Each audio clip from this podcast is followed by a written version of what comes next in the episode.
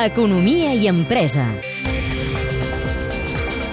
L'actualitat empresarial, laboral i econòmica a Catalunya Informació. Si parlem de la bolsera, potser pensareu en les botigues on es compren petites bosses i articles per regalar. Avui anem a l'origen de tot, Industrial Bolsera. Aquesta setmana fa 100 anys que es dedica a la producció de bosses de paper i a l'embalatge flexible. L'han dirigit les quatre últimes generacions de la família Algaró. Ara és el torn de Josep Algaró. El fet de ser familiar et dona més agilitat en quant a prendre decisions. He vist que en altres empreses la, la presa de decisions és molt més lenta perquè han de fer informes, han de fer tota una sèrie de, de passes que nosaltres ho tenim molt més a l'abast perquè també hem procurat sempre tenir una estructura molt plana, de forma que també pues, la, la informació arriba més ràpida.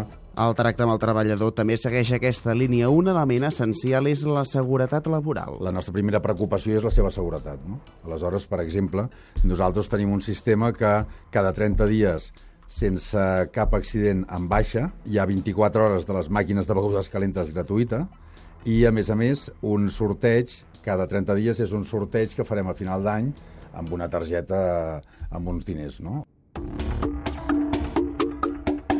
Al llarg d'un segle, una indústria històrica com la paperera ha canviat la inversió en tecnologia, ha automatitzat la producció. I nosaltres hem invertit molt en això, no? amb, amb intentar ser molt competitius a base d'automatitzar. No? I aleshores eh, hem, hem col·laborat amb diverses enginyeries per intentar desenvolupar sistemes que no hi ha al mercat. Malgrat això, els suggeriments dels treballadors són essencials. Clar, ells són els que, com deia abans, no? són els que estan en contacte amb el producte i són els que estan fent el producte pel client. Aleshores, eh, és molt important, evidentment, la seva opinió. Nosaltres no creiem en un il·luminat que tingui idees brillants. No, no. Confiem en la gent i confiem en el seu treball i amb la seva aportació. Originàriament, com hem dit, també englobava la bolsera. El 1977, però, van fer el pas definitiu, personalitzar els productes i dividir l'activitat en dues societats. Tota la fabricació que fem és pràcticament personalitzada a nom de client, no? És, una, és, el, és el que ens distingeix a nosaltres i aleshores per això es van separar les dues activitats, perquè va arribar un punt en què, en què ja no fabricàvem eh, ja no interessava fabricar aquells articles perquè ens estàvem especialitzant molt en, en aquest tema de l'embalatge.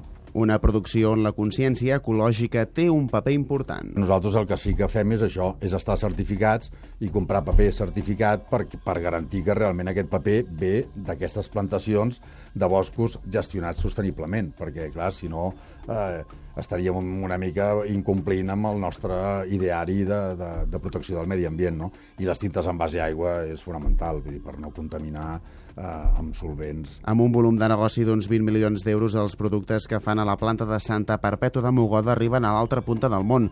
De cara al futur, els reptes de l'empresa familiar són innovar i mantenir-se com a referent d'una indústria històrica al nostre país.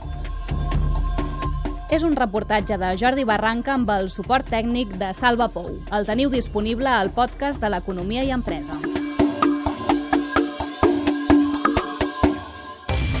Economia i empresa.